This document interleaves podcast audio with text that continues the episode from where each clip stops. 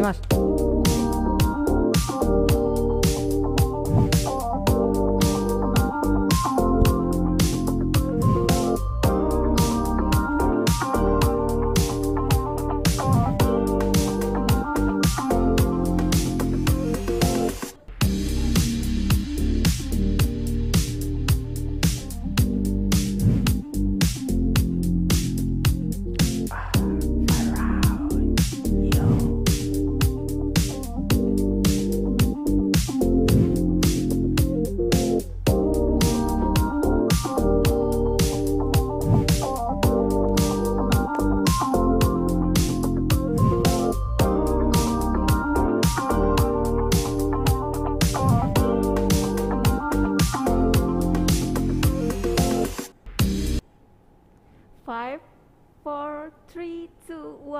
open your mind.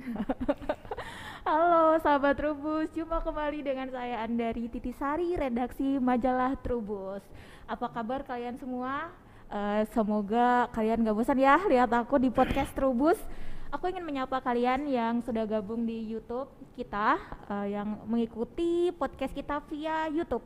Kalau misalnya kalian belum sempat untuk ikutin live, kalian bisa ngikutin atau dengerin rekamannya di Spotify. Jangan lupa ya, kalau kita punya Spotify, namanya podcast Trubus Podcast. nah, sahabat Trubus, eh, ini kita di podcast episode ketiga. Di episode pertama kita bahasnya tentang bisnis, episode kedua kita bahasnya tentang herbal, bukan herbal, minuman fungsional. Nanti dimarahin sama pemimpin redaksi majalah Trubus ya. Nah, di episode ketiga ini aku akan ngajak kalian buat berkebun, tapi bukan berkebun yang kotor-kotoran loh. Biasanya kan anak-anak muda atau kita nih yang tinggal di kota males kan kalau misalnya berkebun tapi kotor-kotoran, kemudian jadi berpikir ulang, ah ngapain sih berkebun? Toh kita bisa beli eh, apa bahan pangan yang kita suka. Tapi kali ini aku ngajak kalian kalau berkebun itu bisa jadi sesuatu yang mengasyikan karena kita nggak perlu pakai lahan. Jadi berkebunnya nggak pakai tanah, terus kita berkebunnya nggak pakai pot, tapi kita pakai ember. Seru banget kan? Ini makanya aku kasih judulnya asyik berkebun dengan budik damber atau budidaya ikan dalam ember.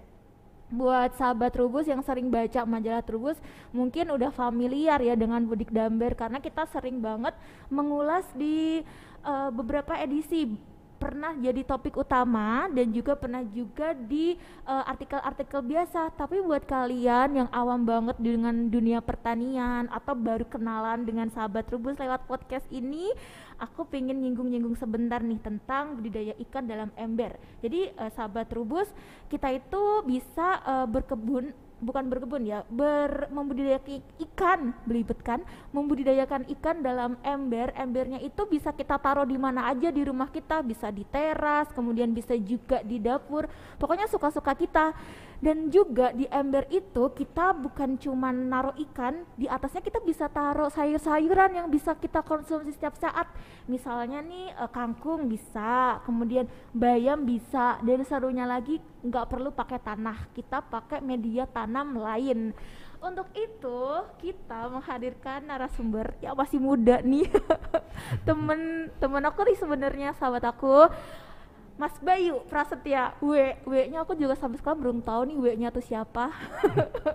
Halo Mas Bayu, Ya, apa halo. kabar? Ya, Alhamdulillah baik. W-nya siapa sih Mas Bayu Prasetya W? Wibowo. Wibowo ya. Nah, Mas Bayu ini adalah praktikus budik damber nih sahabat Trubus. Jadi Mas Bayu udah sering menghandle gimana sih caranya berkebun atau berbudidaya ikan dan sayuran sekaligus dalam satu tempat. Kita pakainya ember. Nah, Mas Hmm. Bayu, sahabat Trubus kan masih awam nih dengan Mas Bayu. Boleh dong kenalan lebih eh, lebih detailnya Mas Bayu ini selain praktikus budik damber, aktivitas sehari-harinya apa sih Mas Bayu? Ah ya, eh, sebenarnya saya salah satu redaksi ya, staf redaksi juga di Trubus Group juga. Dan memang saya menangani eh, khususnya di penerbitan buku dan memang eh, apa ada sekarang eh, divisi saya juga mem- apa membantu untuk mengerjakan divisi non buku. Nah, salah satunya memang eh, Budik Damber ini gitu. Jadi eh, kalau untuk kegiatan sehari-hari ya memang eh, saya juga ikut beberapa komunitas ya komunitas ya salah satunya komunitas budik damber juga tapi memang utamanya eh, komunitas di eh, perikanan Oke, jadi udah Hmm. udah berkecimpung di dunia perikanan itu lama banget ya? ya kalau misalnya untuk khususnya perikanan memang udah kurang lebih sekitar 10-11 tahun lah 11 tahun. ya udah coba eh, budidaya ikan apa aja nih Mas Bayu? Kita ngobrol santai dulu ya. Oh, oke oke Biar sahabat Trubus tuh lebih kenal, lebih akrab dengan Mas Bayu. Jadi kalau misalnya untuk eh, kalau misalnya ditanya bisa miara ikan sebenarnya emang saya tertarik ke dunia perikanan itu karena awalnya saya tidak bisa ngawinin ikan cupang. Oh, iya saya sepele itu gitu dan emang Oke. orang-orang bilang mijahin ikan cupang atau ngawinin ikan cupang gampang gitu. Tapi ternyata sampai sekarang pun nggak bisa. Awalnya berawal dari situ kemudian ya dikenalkan lah eh, dunia perikanan itu memang tidak hanya sekedar di ikan hias. oke. Karena sekarang jatuhnya saya lebih tertarik ke ikan konsumsi. Oke. Ya kalau misalnya ditanya apa aja ikan yang udah pernah dicoba gitu untuk dipelihara atau dibudidayakan gitu. Mungkin kalau untuk sebagian besar ikan konsumsi pada umumnya udah ya mungkin dari eh, lele, gurame, patin, bawal, terus eh, nila, mas. Sebagian besar sudah semua, cuman memang eh, bisa dikatakan apa ya? Tangan saya nggak dingin kalau nggak ke lele gitu. Oh, jadi, lebih dingin jadi lele. lebih dingin ke lele gitu Mungkin hatinya lebih cocok untuk budidaya lele. ya mungkin eh, apa saya pernah nyoba ikan beberapa ikan lain ya selain lele gitu karena memang saya awal untuk terjun di bisnis ikan konsumsi itu berawal dari lobster dulu lobster air tawar itu dulu diajak emang ya zaman masih kuliah lah gitu coba-coba usaha yuk karena kan sama-sama dapat beasiswa jadi ada duit lebih coba gitu ya sedikit-sedikit berhasil tuh cuman ujung-ujungnya ya karena kesibukan masing-masing bubar terus kemudian eh, beralih ke lele kemudian ke ikan lain ya kayak bawal tadi yang saya sebutkan cuman pada saat saya udah di lele paling lama terus nyoba ke ikan gurame ke ikan nila gitu cuman ya ujung-ujungnya kok gagal juga pahit lah isanya kalau di lele alhamdulillah sih ya mungkin saya ngerasa rezekinya dari lele mungkin ya jodohnya gitu ya. mungkin ada di Ah. lele ya Mas ya. Ya, nanti nggak tahu ke depannya bisa dapat apa bisa dibukain apa ya skill untuk di ikan konsumsi lain yang kita nggak tahu gitu. Ya Oh. mudah-mudahan sih bisa gitu. Amin amin amin didoakan Mas semoga Nah ya, bisa expert juga di ikan yang lain ya. Tadi kan masih trial error ya selain ya non betul. lele. Nah Mas Bayu, berarti kalau misalnya sahabat Trubus eh, pengen kenal Mas Bayu, pengen nanya tentang budidaya lele boleh dong? Ya boleh, boleh banget. Nah Mas, eh, karena tema kita adalah asyik berkebun dengan budik damber, Hmm. Pengen dong dijelasin lebih detail budik damber itu apa? Kemudian kenapa selama pandemi ini budik damber itu ja- menjadi sebuah bisa dibilang tren ya Mas? Eh, iya memang eh, budik dambar ini trennya eh, baru sudah bukan tren ya. Maksudnya kita berawal dari dulu tuh memang sudah ada, sudah ada yang ngembangin lah gitu dan mencoba untuk mencoba berbudaya ikan di ember sekaligus bisa bercocok tanam gitu. Hanya saja memang tidak setren di dari ah, pandemi ini gitu. Dan memang trennya itu eh, di awal pandemi sampai sekarang gitu. Walaupun bisa dikatakan trennya sekarang sudah agak menurun atau mungkin bisa tidak bisa dikatakan sudah tidak terpublish secara wah sepe- nggak seperti kayak tahun kemarin gitu. Karena memang eh, untuk budik dambar ini eh apa ada pelopornya itu dulu dosen Poltek di Unila Lampung gitu. Nah bisa dikatakan saya eh, memodifikasi gitu, memodifikasi eh, ember yang tadinya mungkin tidak ada pengelu- apa saluran pengeluaran saya tambahin saluran pengeluaran gitu yang tidaknya tadinya tutupnya bisa dikatakan tidak terpakai bisa dimanfaatkan supaya eh, wadah tanamnya itu lebih terlihat lebih rapih gitu dan ikan pun tidak lompat keluar seperti itu. Nah kemudian memang eh, apa ya saya dan teman-teman ya di divisi saya itu memang mengembangkan ini dan alhamdulillah memang trennya meningkat. Oke. sampai ya kita juga ya namanya rezeki ya kita nggak tahu. Sampai dari kementerian pun pesan juga seperti itu dan memang pesannya juga nggak satu dua dan itu puluhan gitu seperti itu gitu ya. Jadi kalau berdasarkan namanya budik damber ya budidaya ikan di ember gitu. Ya memang sebenarnya ember kan bisa buat tempat naruh apa aja tapi kita bisa pakai untuk menanam ikan.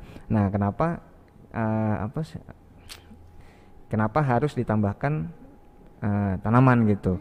Ya kan karena hobi bukan hobi ya karena kondisi lahan di perkotaan ini kan semakin sempit ya tidak jatuhnya tidak ada lahan untuk bercocok tanam mungkin ya jadi Udik Dambar ini bisa memfasilitasi gitu.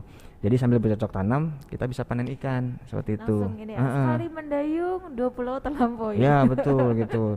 Terutama juga apa kita bisa bercocok tanam. Memang tanaman-tanamannya eh, tidak semuanya. Cuman sebagian besar tanaman ini dibutuhkan sehari-hari. Contoh tadi yang sudah Mbak Titi sebutkan ada kangkung ada bayam ada pakcoy ada sawi ada selada sampai apa tomat pun bisa di, di- diaplikasikan di budik dambar ini cuman kalau kita ingin yang mudah sebagian besar orang menggunakan benih kangkung atau bayam atau Oh. cabai gitu karena yang bisa dikatakan lebih mudah gitu seperti itu lebih mudah dan juga mungkin panennya lebih cepat Betul. dibandingkan kalau misalnya kita pakainya itu tomat atau pakcoy benar seperti itu Betul. Jadi kalau misalnya anggaplah kangkung lah gitu, kita panen ikan terutama mungkin kalau saya di sini memakainya menggunakan ikan lele dan nila. Cuman sebagian besar emang memilih untuk eh, memakai lele gitu. Konsumen-konsumen juga maunya lele aja gitu ya. Oh silakan kita kita memfasilitasi aja gitu. Nah itu anggaplah lele panen dua setengah bulan dari ukuran mungkin benih tebal 9 10 itu kalau misalnya kita nanam kangkung kangkungnya bisa panen sampai tiga kali sampai empat kali bahkan karena kan kangkung kan kalau panen kan kalau bisa dia tumbuh lagi dipotong aja Hmm, nggak perlu dicabut sampai akar akarnya gitu. Dan itu bisa panen sampai tiga kalau pengalaman saya tiga sampai empat kali seperti itu. Wah sambil nunggu eh, lelenya. Iya, betul, panen, sambil- kita bisa panen Heeh. kangkungnya dipotong-potong. Kangkungnya dipotong-potong betul Mas aku pengen nanya sih ember yang dipakai itu apakah ada eh, ember bahan khusus ataukah kita ah beli ember apa aja pasti bisa lah tinggal Iya. masukin lele udah deh Iya gitu. betul. At- ah, pada awalnya memang eh, orang-orang ya, maksudnya eh, mungkin orang sekedar bertanya gitu, nanya, Mas embernya dari bahan apa gitu. Saya pas saya tunjukkan embernya seperti ini gitu. Nih mungkin bisa dilihat embernya seperti ini. Iya. Ini embernya ember yang biasa dipakai buat mandi. Iya. Iya, ember dipakai buat mandi ya rata-rata kan eh, volumenya 80 liter, ada juga yang 60 liter, cuman sebagian besar kayaknya orang pakai 6, 8 yang 80 liter. Jadi eh apa ya nggak susah gitu maksudnya orang tinggal beli kalau misalnya mau cuma tinggal nyemplungin ikan beli di toko-toko plastik itu banyak yang jual yang harganya memang bervariasi sih cuman kan eh, apa ya tinggal orang mau pilih yang ada yang 60 ada yang 80 ada yang 130 pun ada gitu. Cuman ya kalau saya idealnya supaya tidak terlalu apa ya tidak terlalu besar ya paling saya menyarankan yang 80 liter dan memang rata-rata orang pakainya yang 80 liter Pakai ember yang berkapasitas 80 liter. Mm-mm, sahabat. 80 liter betul. Nah buat kalian sahabat Trubus yang mengikuti podcast Trubus di live di YouTube, pasti kalian lebih beruntung ya karena di sini ada alat peraganya. kalian bisa lihat langsung di eh, layar. Ini ada contoh dari eh, embernya. Ya Mas Bayu ya, ini kenapa eh, apa namanya tutupnya dibolong-bolongin kayak gini? Ini buat tanaman atau buat apa nih? Iya jadi eh, dibolongin seperti ini nih. Boleh nih sambil Oh ya sip. Jadi dibolongin seperti ini. Nah, Jadi nanti ini untuk eh, apa tempat wadah untuk bercocok tanamnya seperti itu. Nah kalau misalnya kawat ram ini di tengah supaya pada saat kita memberi pakan kita nggak perlu buka tutup embernya gitu. Jadi tinggal ngasih makan dan otomatis ikannya juga nggak akan keluar seperti itu dan itu relatif lebih aman kita nggak perlu takut ikannya kabur gitu. Di- jadi ini sahabat Trubus buat yang dengerin di podcast jadi aku mau ngulang ya eh, apa eh, informasi yang disampaikan sama Mas Bayu jadi ini tutup embernya itu dibolong-bolongin gitu ada berapa lubang nih Mas Bayu jadi pinggirnya tuh dibolong-bolongin gitu loh sahabat Trubus Mm-mm. Ada, berapa 12 lubang. ya ini 12. 12 12 lubang kemudian tengahnya tuh juga dibolongin lagi Hmm. lucu banget deh tengahnya dibolongin lagi terus dipakein kawat ram ya ini namanya ya Ya kawat ram dan emang itu eh, ada alat khusus juga untuk melubanginya gitu. oh pakai alat khusus untuk ya ada alat khusus untuk melubanginya Nah, nggak bisa pakai tangan yang pasti. ini iya ini susah kalau pakai tangan iya ya. susah. Nah ini kalau untuk kawat ram, jadi di tengahnya itu ya buat yang dengerin di Spotify, eh, di tengahnya itu ada lubang gitu terus dikasih kawat ram, fungsinya untuk memberikan pakan ke Ya. ikannya. Betul. Jadi kita nggak perlu buka tutupnya gitu kan Mm-mm. repot ya, tinggal Mm. masukin aja via kawat ram ini ya Iya, Mas Bayu. Betul sekali. Nah kalau bolong eh, lingkaran-lingkaran ini yang di pinggir-pinggir tutup ember, ini diameternya berapa ini? Sebenarnya saya nggak ngitung diameter karena saya menyesuaikan dengan wadahnya nih kebetulan saya Oke, jadi Mas Bayu punya banyak Nih. alat peraga. Ini apa eh, wadah gelasnya. Jadi wadah gelasnya ini kan boleh nyebut merek nggak ya? Jadi Boleh. yang 16 os kalau misalnya di toko plastik itu jadi saya sebut aja deh. Yang biasa buat wadah pop ice yang wadah-wadah minuman-minuman yang sekarang lagi kekinian itu gitu. Oh, Oke. Jadi pakai eh, boleh lihat sebentar di sini. Jadi aku pengen lihat ini. Ini jadi ada wadah eh, plastik ini dimasukin ke lubang Betul. yang ada di tutup ember ya Mas Iya, betul. Fungsi wadah plastik ini buat Ya buat tanamannya. buat tanamannya. Betul. Oh, jadi aku bukan di kayak gini nih sahabat Rubus. Jadi kalian bisa dapatin di di toko-toko plastik nih banyak ya Mas Bayu ya. Banyak harganya 9.000 sampai 10.000 sepak isinya 50 kalau nggak salah. Isinya 50 harganya. 10.000 9.000 sampai 10.000 nggak tahu sekarang mungkin 10.000 Oh, kayaknya. murah banget. Jadi untuk ber, berbudik damber Hmm. ini alatnya cukup eh, istilahnya ekonomis ya Mas Ya, Bayu ya. ekonomis dan memang bisa diaplikasikan siapa saja dan di mana saja. Siapa saja dan di mana. Ah, sampai Nah, anak kecil pun bisa gitu. nanti kita buktikan. Nah, Mas Bayu, katanya ini katanya eh, wad- eh, plastik gelas plastik ini berguna untuk menanam tanamannya. Mm. Eh, pakai media tanam apa? Tadi aku udah bilang ke sahabat terus kalau kita nggak pakai tanah loh, bener nggak sih? Iya, emang nggak pakai tanah. Emang ya bisa pakai sebenarnya tanah kalau ya? pun pakai tanah pun sebenarnya bisa, cuman kok nanti ujungnya kotor ke air gitu. Mm-mm. Karena pasti ada proses di mana si apa tanah media tanam tanah itu harus menunggu padat dulu biar eh, dia tuh nggak kejatuh ke bawah lagi gitu. Oke. Jadi di kalau kalau? Widamber sebenarnya ada beberapa ada beberapa jenis media tanam ya mungkin yang kalau karena kan kalau saya saya pribadi memang menyebutnya itu aku ember karena ini buku terlihat buku ini aku ember jadi kenapa namanya aku ember karena aquaponik di ember karena memang pada prinsipnya ini aquaponik pada seperti itu aquaponik, Ya, teknik aqua- aquaponik. Iya, teknik aquaponik gitu. Jadi eh, bercocok tanam, eh bercocok, ya bercocok tanam dan be- berbudaya ikan dalam satu wadah. Hanya saja nih wadahnya ember. Hanya gitu. saja wadahnya Betul. ember. Dan Dan- kemudian emang aquaponik itu kan emang salah satu teknik di hidroponik juga kan, Mm, mm, dia tanpa mm. tanah gitu. Jadi pilihannya sebenarnya kalau saya pribadi prefer ke arang, Arang, arang, arang batok atau arang sekam. Kemudian bisa juga pakai rock wool, rockwool. bisa juga seperti itu. Jadi Rockwool itu carinya yang gampang-gampang aja gitu ya? heeh. Oh, jadi kalau misalnya Mas Bayu lebih pilih arang karena lebih murah lebih murah dan gampang dicari dan gitu kan gampang dicari. Heeh. Ini berarti di dalamnya dimasukin arang arang ya? Iya. Arang ya? Seberapa nih Mas Bayu? sepertiga kalau saya Seperti- saya menyarankan sepertiga. Paling tinggi paling setengah ya tergantung kan eh, apa mungkin kalau misalnya di toko-toko mungkin toko-toko kelontong itu kan jualan yang jual arang kan rata-rata seplastik. Kalau saya gimana caranya satu plastik itu muat semua 12 12 ini. Oh. dan memang nggak cuma misalnya nggak cuma asal asal muat maksudnya muat doang sih cuman emang pakai riset rata-rata supaya bisa memenuhi semua gelas ini sepertiga isinya Sepertiga aja. Iya, jadi sepertiga aja. dikit doang sih ya yang dikit doang nanti memang ada apa pada saat eh, mungkin seiring bertumbuhnya berkembangnya tanaman ada sedikit penambahan media tanam tapi paling sampai setengahnya aja nggak usah sampai penuh gitu Oke. Nah, terus setelah berarti kan ditaruh media tanam, kemudian ditaruh benih sayurannya, Mm-mm. itu langsung aja ditaruh di sini nih. Kayak misalnya kita beli benih bayam, langsung ditaruh di sini atau disemaikan dulu nih.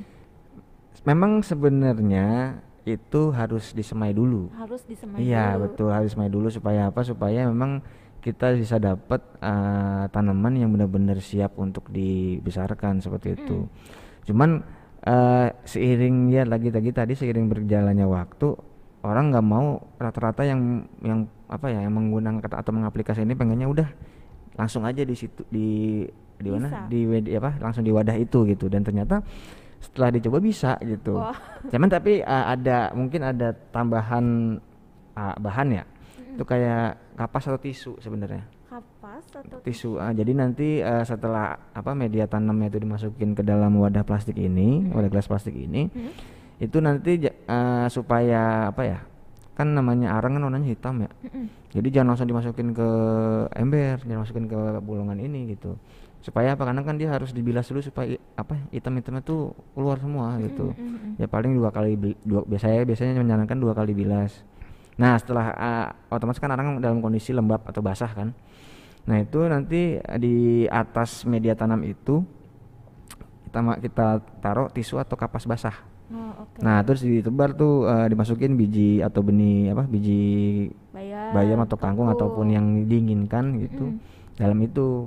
Nah, udah setelah itu baru masukin ke dalam ke Ih, unit ini ya, lubang unit yang ini. ada lu- di lubang yang ada di pinggir eh, Eh, ditutupnya. tutup ember. Betul. Gini nih sahabat. Mm-mm. Trubus. Nanti posisinya Nah. seperti itu. Nah, eh, apa untuk tiga hari pertama saya menyarankan sampai dia tumbuh apa namanya tunas ya. Mm-mm. Itu tiga hari disiram, tapi siramnya sekali aja jangan banyak-banyak gitu, supaya dia kan eh, mungkin secara penyerapan media tanamnya itu kan belum terlalu apa, belum terlalu baik ya. Kan di satu sisi juga ini kan airnya juga masih bening, belum ada apa karena kan vitamin atau vitamin apa nutrisi yang di eh, apa yang dibutuhkan sama si media apa tanaman ini asalnya dari air bekasnya ikan itu kan yang dia kan nanti di, di air ini kan ada apa kotoran ikan Mm-mm. ada sisa pakan segala macam itu kan nanti eh, yang jadi nutrisi untuk si tanaman itu supaya tanaman itu bisa tumbuh seperti Oke. itu Ini kan kita udah bicara eh, dari segi alat adalah bagian atasnya. Nah, Mas Bayu tadi kan bilangnya kalau di dalam ember itu kita bisa budidaya ikannya ya. Betul. Eh, nah, eh, kalau Mas Bayu kan lebih prefer atau lebih menyarankan adalah lele. Kalau Hmm. untuk ukuran 80 liter ini hmm, populasinya berapa tuh, Mas? Sebenarnya awalnya saya melakukan riset sih, ya, emang riset sendiri lah gitu. Jadi Mm. kita pakai wadah eh, 80 liter, Mm-mm. ada 50 liter sama 120 liter kalau nggak salah. Cuman memang yang 80 liter itu kita pakai eh, apa namanya? tiga kali tiga tiga padat tebar yang berbeda. Oke. Jadi eh, saya pakai yang 80 liter itu namanya, wadah yang 80 liter itu ada tiga. Yang pertama isi 50, kemudian isi 100, sama isi 150. Dan untuk eh, apa eh, pada tebar idealnya di- sebenarnya ada di 100 menurut Hmm. saya. Mm-mm. Cuman eh, kan ya saya bukannya mer- apa ya nggak- kan namanya banyak orang yang baru coba coba yang baru coba untuk membudidayakan jadi saya menyarankan itu referen apa eh, rekomend saya itu sekitar 70 sampai 80 ekor aja gitu 70 Ah, sampai 80 jadi yang ekor. yang 50 isi 50 ekor per ember itu panennya 3,7 kilo Hmm. yang 100 100 ekor itu i, panennya 8,2 Mm-mm. itu uh, riset saya sendiri yang 150 itu panennya cuman 11 kilo karena saya mikir itu analisis saya mungkin terlalu padat ya Oke. jadi juga emang tidak proper lah jadi ibarat kata kita tidak berperi kelelean gitu kasihan soalnya kepadatan berperi gitu kelelean. iya gitu. itu istilah saya aja Oke, Mas, Mas, eh, pengen dijelasin dong tahapannya apa sih yang harus kita lakukan kalau misalnya kita mau ber berakuamber ya Hmm, namanya ya, hmm, bukan budik damber ya ya. boleh budik damber juga boleh budik damber boleh, akuamber juga Populernya. boleh, apa aja boleh ya. Hmm, apa aja boleh Dua itu ya pasti. Nah, kalau misalnya mau berbudik damber nih, eh, aku nih misalnya Mas Bayu, aku Hmm. tuh apa sih yang harus aku lakukan selain aku harus nyiapin eh, alatnya ini? Pertama kali aku harus ngapain? Harus ngisi embernya dengan lele dulu Hmm. atau bagaimana gitu? jadi pertama ya siapin alat dan bahannya dulu Hmm. Eh, pertama ya ember beli dulu lah yang pastilah ya kalau misalnya kali dapat nemu di jalan mungkin bisa aja gitu cuman yang pasti harus ada embernya dulu yang utama kemudian eh, ini eh, apa wadah media tan wadah tanamnya ini bisa berupa gelas. Memang sebenarnya ada bisa juga pakai netpot seperti hidroponik cuman eh, mungkin eh, terlalu kecil kali ya. Jadi saya ngerasa ini lebih cocok gitu. Kemudian eh, ada lagi media tanamnya pakai ya tadi saya kalau saya rekomend pakai arang cuman mau- memang ada misalnya ada rockwool boleh silakan atau mau pakai arang sekam juga tidak tidak apa-apa. Arang arang kan juga ada banyak ada arang batok ada arang sek, ada arang kayu Mm-mm. ada arang sekam gitu. Jadi silakannya dipilih salah satu dari eh, itu gitu. Kemudian yang ketiga eh, selanjutnya eh, benih tanamannya gitu. Mau pakai benih apa gitu. Mau misalnya mau pakai benih sayuran kangkung eh, bayam atau sawi atau pakcoy silakan. Cuman kalau misalnya memang baru mul- mau mulai supaya istilahnya prosesnya berjalan dengan lancar lah gitu saya menyarankan kangkung gitu. Karena memang dari segi apa ya orang yang nanya-nanya memang udah nyobanya kangkung aja gitu. Karena lebih mudah dan satu sisi panennya bisa lebih dari satu kali seperti itu. Kemudian eh, kalau misalnya nanti untuk dimodifikasi ya ya paling nanti dibolongin embernya seperti ini bisa bisa pakai atau apa pun sudah pakai gergaji cuman memang hasilnya kurang rapi gitu. Nah kemudian saya menunjukin ini satu lagi. Oke. apa namanya? Hati-hati. Eh, Di dalam atau di tubuh embernya itu nah di sini ada saluran. saluran air. Nah ini nanti di- disambungkan dengan keran. Oke. keran air yang banyak juga di material juga banyak toko bangunan ya. Satu eh, setengah inci. Kemudian di atasnya juga bisa dibolongin seperti ini. Ini mungkin kalau Oh. kelihatan ya. Ini jadi fungsinya sebenarnya untuk mengatur tinggi air. Jadi kalau misalnya kita taruhnya di luar misalnya kehujanan gitu jadi air dengan otomatis keluar dengan sendirinya gitu jadi kita nggak perlu khawatir ikan keluar ke mana-mana gitu Oke. Aku Seperti bantu itu. jelasin nih Mm. ke sahabat Trubus. Jadi di dalam tubuh embernya nih sahabat Trubus ada dua bolongan ya Mas Bayu ya. Ya. Bolongan pertama itu ada di bagian atas, itu fungsinya itu adalah mengecek ketinggian air. Mm-mm. Jadi kita nggak perlu khawatir nih, ini airnya penuh atau airnya kurang karena kalau misalnya airnya penuh bakalan keluar dari lubang yang ada di atas ya Mas Bayu Betul. ya. Nah, lubang yang kedua itu ada di bagian bawah. Itu fungsinya adalah untuk eh, memasang selang ya Mas Bayu ya. ya fungsi keran Keran. Jadi fungsinya untuk mengeluarkan air, Keran, nah, karena memang nanti Keran pada saat prosesnya itu ada ganti air. Oh iya, ganti Mm-mm. air itu dengan membuka keran yang ada di Betul. bawah gitu. Betul. Oh gitu. Seberapa penting sih ganti air eh, untuk ikan di dalam ember ini, Mas Bayu? Eh, sebenarnya ini sangat penting sebenarnya. Jadi gini, eh, namanya eh, apa ya? Sebenarnya kalau misalnya proporsi eh, antara jumlah tanaman dengan jumlah ikan yang hasilnya nanti kan punya kotoran, punya sisa pakan yang tidak termakan juga. Itu sebenarnya tanamannya kurang banyak. Hmm, bisa sebenarnya kalau menurut saya itu bisa 2 sampai tiga kali lipat dari jumlah tanaman ini gitu karena pasti dia overnutrisi kalau cuma 12 seperti itu dan itu otomatis kan akan membuat ya namanya ikan ya dia kan udah gitu seperti itu kan tidak ada apa ruang geraknya. Sudah ember ini mem- membuat ruang ikan juga sempit. ah, sempit gitu. Dan otomatis airnya juga pasti akan menjadi keruh dan bau.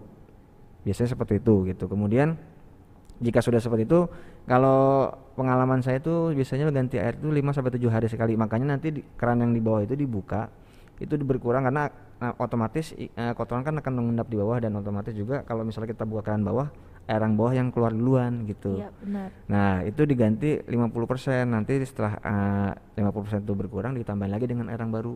Jadi kita nggak perlu khawatir kalau misalnya udik dambar kita bau ya, karena Iya. kan kita eh, melakukan pergantian air itu secara berkala 5 sampai 7 hari dengan Ah, membuka betul. keran yang ada di bawahnya otomatis Mm-mm. eh, air yang ada di bawah yang keruh-keruh itu biasanya isinya pelet bukan sih sama kotoran? Ya, sebenarnya sih eh, realita di, la- di lapangan itu orang yang mulai budik damber ini, yang mulai budidaya ikan di ember ini over excited.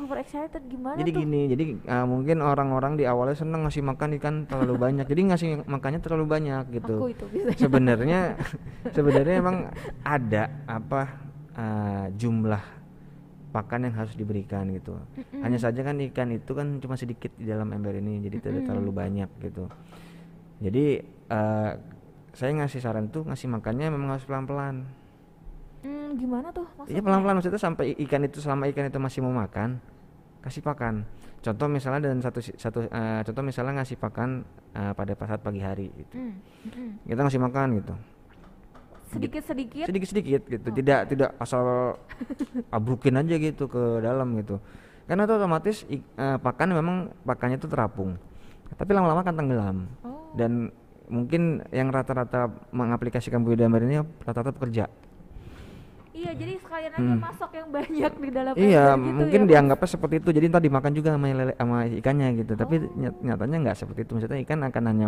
makan pakan yang ada di permukaan Oh, oke. yang terlihat sama dia gitu terutama ap- apalagi ikan lele ya ikan lele itu kan ya dia lebih suka pakan terapung lebih suka pakan terapung. jadi kalau pakan dari bawah itu cenderung tidak akan dimakan lagi sama dia. Hmm, Nah itu yang yang membuat kondisi air itu tambah bahaya sebenarnya. bahaya. Ba- ya maksudnya jadinya nanti ada nitro nit, apa nitrit nitrat itu yang men- menjadi racun buat si ikan itu sendiri seperti Hmm, itu. hmm, hmm. itu. Benar banget. Itu yang terjadi di lapangan ya. Karena Iya, itu.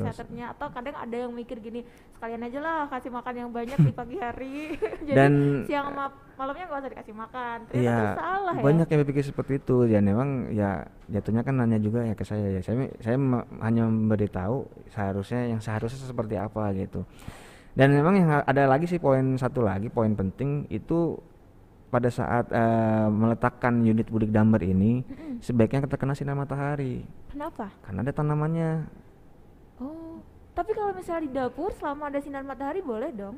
Yang tidak masalah yang penting dia terpapar sinar matahari Oh, maupun oke. setengah nanti pasti eh, jika tidak atau kurang sinar matahari ya nanti pasti ada muncul kendala misalnya kangkungnya tumbuhnya melengkung nggak naik ke atas atau mungkin daunnya kuning gitu pasti ada kendala seperti itu gitu Oh, itu kayaknya eh, remeh tapi ngaruh ya di Iya. pertumbuhan sayur Betul, yang ya. tanam di atasnya ya. memang secara aplikasi gampang ya kita ngasih makan aja gitu Iya, tapi kalau misalnya eh, apa kalau misalnya di ya mungkin tidak tidak apa ya tidak ada, ada prinsip-prinsip lah di situ ada prinsip-prinsip yang harus dipatuhi ya salah satunya tadi itu misalnya pas telan di matahari kemudian juga jangan terlalu padat Mm-mm. gitu terus Mm-mm. kemudian ya kita harus rutin mengganti airnya Mm-mm.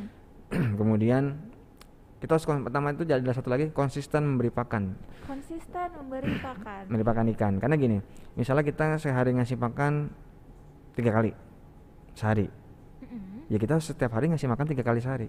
Tapi sebenarnya itu eh, memang aturannya tiga kali sehari atau bisa dua kali sehari gitu nggak sih mas? ya boleh itu Boleh. minum obat aja boleh dua kali sehari. Ya maksudnya intinya kita konsisten aja gitu. Jadi supaya si lele tuh apal waktu makannya dia. Kalau misalnya kita udah Kayak biasa ngasih makan ya, jadi iya, dia hafal dong. dia apal waktu makannya nanti. Itu yang saya perhatikan seperti itu.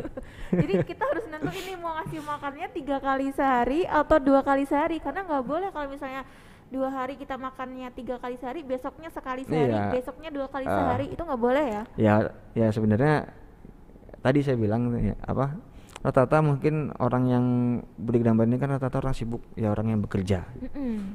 biasanya dia ngasih makannya sebelum berangkat kerja Mm-mm. dan setelah sepulang kerja jadi dua kali sehari itu cukup juga gitu Mm-mm.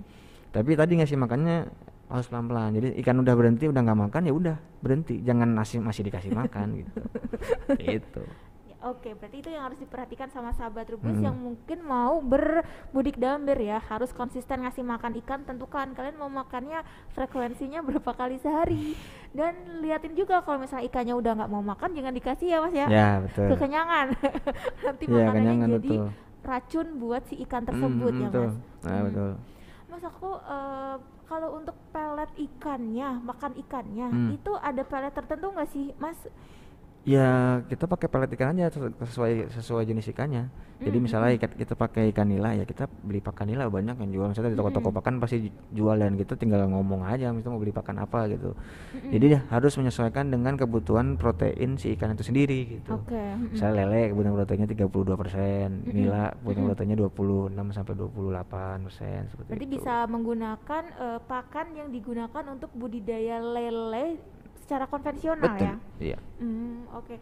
Mas berarti kalau tadi kan eh, pakan lele udah, kemudian eh, untuk si tanamnya tanamannya itu perlu nutrisi lain nggak sih Mas? Tadi kan Mas bilang kalau nutrisinya itu didapat dari air di, di Hmm, bawahnya kan, hmm. karena akarnya itu nyerap air yang ada di ember itu. Mm-mm, betul. Itu si tanamannya masih perlu nutrisi lain nggak? Misalnya kita harus ngasih pupuk tertentu nih gitu. Nggak usah. Nggak usah, Nggak cukup usah. dari bawah itu cukup aja. dari air ya air jatuhnya namanya air limbah ikan aja gitu. Mm-mm. Itu emang jatuhnya nutrisi utamanya Mm-mm. nutrisi utamanya si tanaman gitu. Mm-mm. Karena menurut ada riset juga kalau misalnya apa eh air bekas budidaya lele pembesaran ya mm-mm. itu sangat bagus untuk pupuk tanaman. Oh, oke. Itu udah ada risetnya. Jadi Wah. misalnya untuk tanaman buah, tanaman sayur itu bagus gitu. Terus Mas, eh, Banyak yang pakai.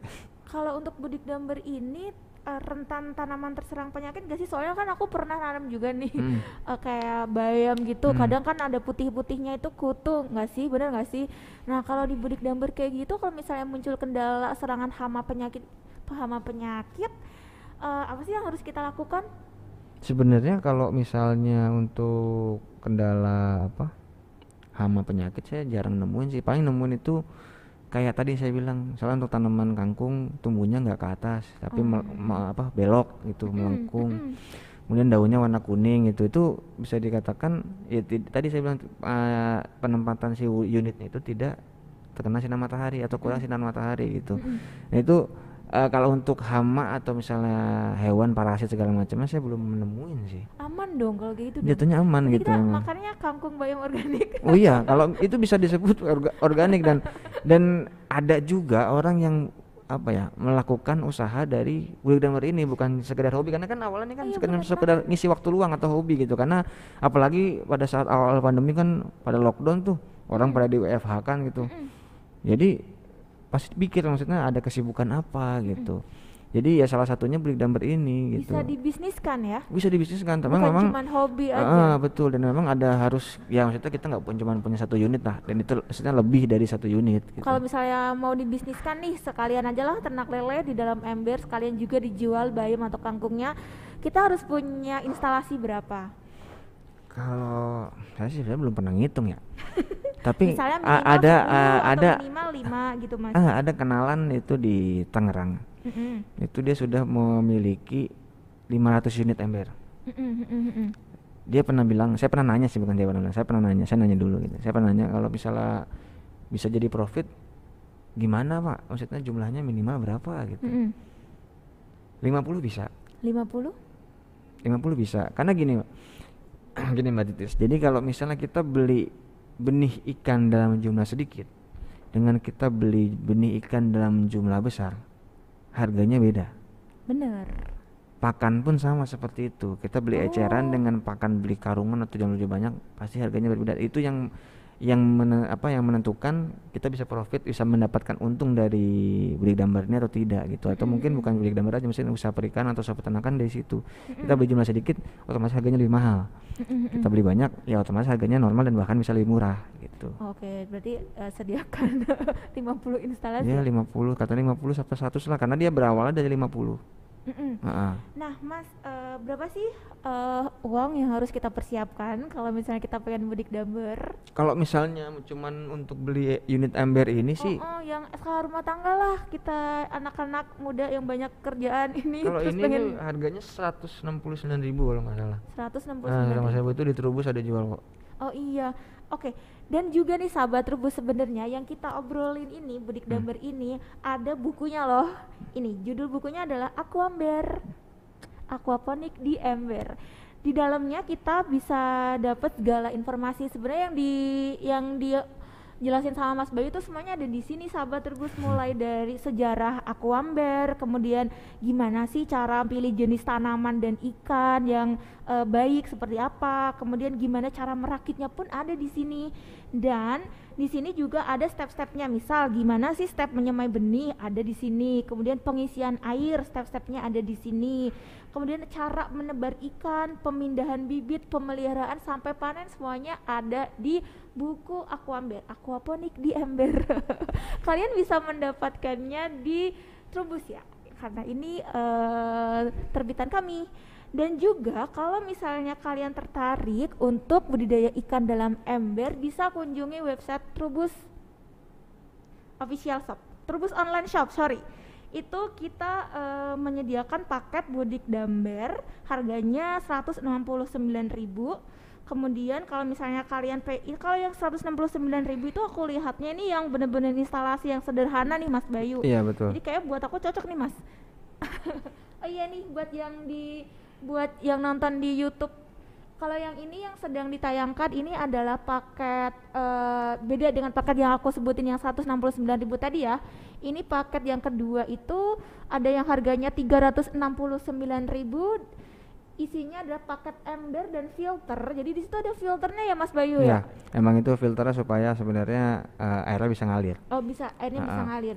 Nah, ada juga yang paket dua ember tapi pakai satu filter. Ini kayaknya lebih lebih eh, lebih cocok nih karena filternya cuma satu, embernya dua. Jadi Hmm. kita bisa panennya dua kali. Iya, lebih banyak satu. gitu. Betul. Tujuannya gitu. Ya, ini harganya 500.000. Jadi kalian bisa pilih sesuai dengan kebutuhan kalian. Mau pakai yang 169.900 atau pakai yang 369.900 atau bisa pilih yang 499.900. Ini harga belum termasuk ongkir ya sahabat Trubus. Kalian bisa kunjungi Trubus online shop untuk mendapatkan eh, instalasi budik damber dan juga ada free eh, buku Aquamber ini. Jadi kalau misalnya kalian beli eh, instalasinya dapat ini. Ini bisa dikatakan semacam buku panduan ya, Iya, Mas? betul. Emang sengaja dibuat untuk panduan teman-teman yang Karangannya siapa ini? namanya Bay Prasetyawe sih di situ. ini yang bikin Mas Bayu sama Pak RH Pairu. Jadi eh, kalau kalian eh, pengen budik damber dan pengen eh, ragu-ragu tapi pengen, nah beli aja di Trobos karena ada buku panduannya. Ya kan Mas Bayu? Betul sekali. Mas Bayu, aku pengen dong Mas Bayu ngasih virus berkebun ke sahabat Trubus biar mau berkebun nih pakai eh, pakai ember kan mudah banget. Hmm. Cuman sekarang kan kayaknya kayak mager mager gimana kasih dong virusnya. Ayo kita berkebun pakai budik damber gitu. Saya nggak ahli sih buat kayak gituan ya. Gimana? Jadi gini, eh, untuk teman-teman yang sahabat Trubus ya, yang nonton atau yang nanti melihat YouTube ini, jadi sebenarnya pasti ada keinginan untuk eh, bercocok tanam atau menyalurkan hobi, terutama di, Betul. di eh, apa teman-teman atau sahabat yang tinggal di daerah perkotaan gitu. Nah, untuk memulainya itu bisa dengan berbudik damber karena ini bisa dilakukan di mana saja dan oleh siapa saja dan kapan saja. Jadi eh, nggak nggak ada alasan oh nggak nggak ada lahan ini ah nggak nggak ada waktu gitu. Jadi alasan itu nggak ada. Jadi eh, untuk memulai menyalurkan hobi ya bercocok tanam sekaligus bisa berbudidaya ikan itu budik damber ini sangat aplikatif banget gitu. Karena memang saya saya pribadi awalnya juga ah nggak tertarik gitu jujur saya nggak tertarik untuk membuat unit budik damber ini. Tapi setelah menjalankannya ternyata wah ternyata saya bisa bantu Asik bisa juga ya. asik juga. Dan itu orang-orang juga pada senang dengan dengan berbudik damber ini walaupun mereka gagal. Bahkan walaupun mereka gagal pun mereka terus mencoba dan bisa meng mengupgrade diri mengupgrade diri mereka untuk eh dalam berbudik damber ini gitu. Mm-mm. yang tadinya gagal bisa berhasil gitu. Itu kan satunya suatu kepuasan buat saya. Jadi untuk teman-teman yang mau memulai berbudik damber sih saya, saya sangat menyarankan untuk memulainya segera karena usaha atau usaha yang sangat prospektif itu adalah usaha yang segera dijalankan Betul. kalau nggak dijalankan ya nggak akan prospektif toh Iya benar. Iya. Nah inget tuh kata Mas Bayu sahabat rebus budik damber itu eh, ada solusi buat kalian untuk bercocok tanam. Jadi nggak ada alasan lagi males bercocok tanam karena dengan budik damber kita bisa berkebun kapan aja, di mana aja.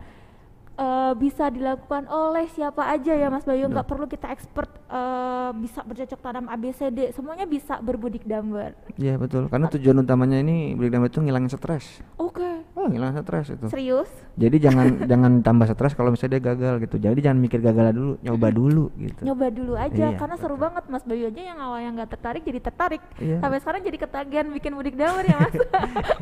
Iya keterusan itu mah oke deh kalau gitu. Mas Bayu terima kasih banyak Iya, atas sama-sama, Mbak informasinya Titis, ya. atas ilmunya sharing bersama dengan sahabat Rebus tentang budik damber semoga lewat podcast ini sahabat Rebus jadi semakin tertarik untuk bercocok tanam dan juga eh, jangan lupa pesan mudik dambernya di Trubus. Mantap. karena udah dijamin eh, alatnya dirakit dengan sempurna dengan perfect. Dan juga eh apa itu kan instalasinya dirakitnya juga dengan sangat baik. Jadi kalian kalau misalnya pengen berbudik damber kunjungi Trubus online shop karena di sana ada eh instalasi budik damber yang cocok buat kalian bisa pilih ada tiga tipe ya ya kan Mas Bayu ada tiga tipe Oke, terima kasih banyak sahabat Trubus yang sudah mengikuti Trubus Podcast saya, eh kami, Trubus Podcast kami yang membahas tentang asyiknya berkebun dengan budik damber. Kalau misalnya kalian terlewat, eh, bisa lihat rekamannya atau bisa dengerin di Spotify Podcast Trubus. Terima kasih Mas Bayu, terima kasih banyak sahabat Trubus. ya Sampai sama-sama Mbak jumpa, Mas. ya. Sampai jumpa. Gimana kameranya?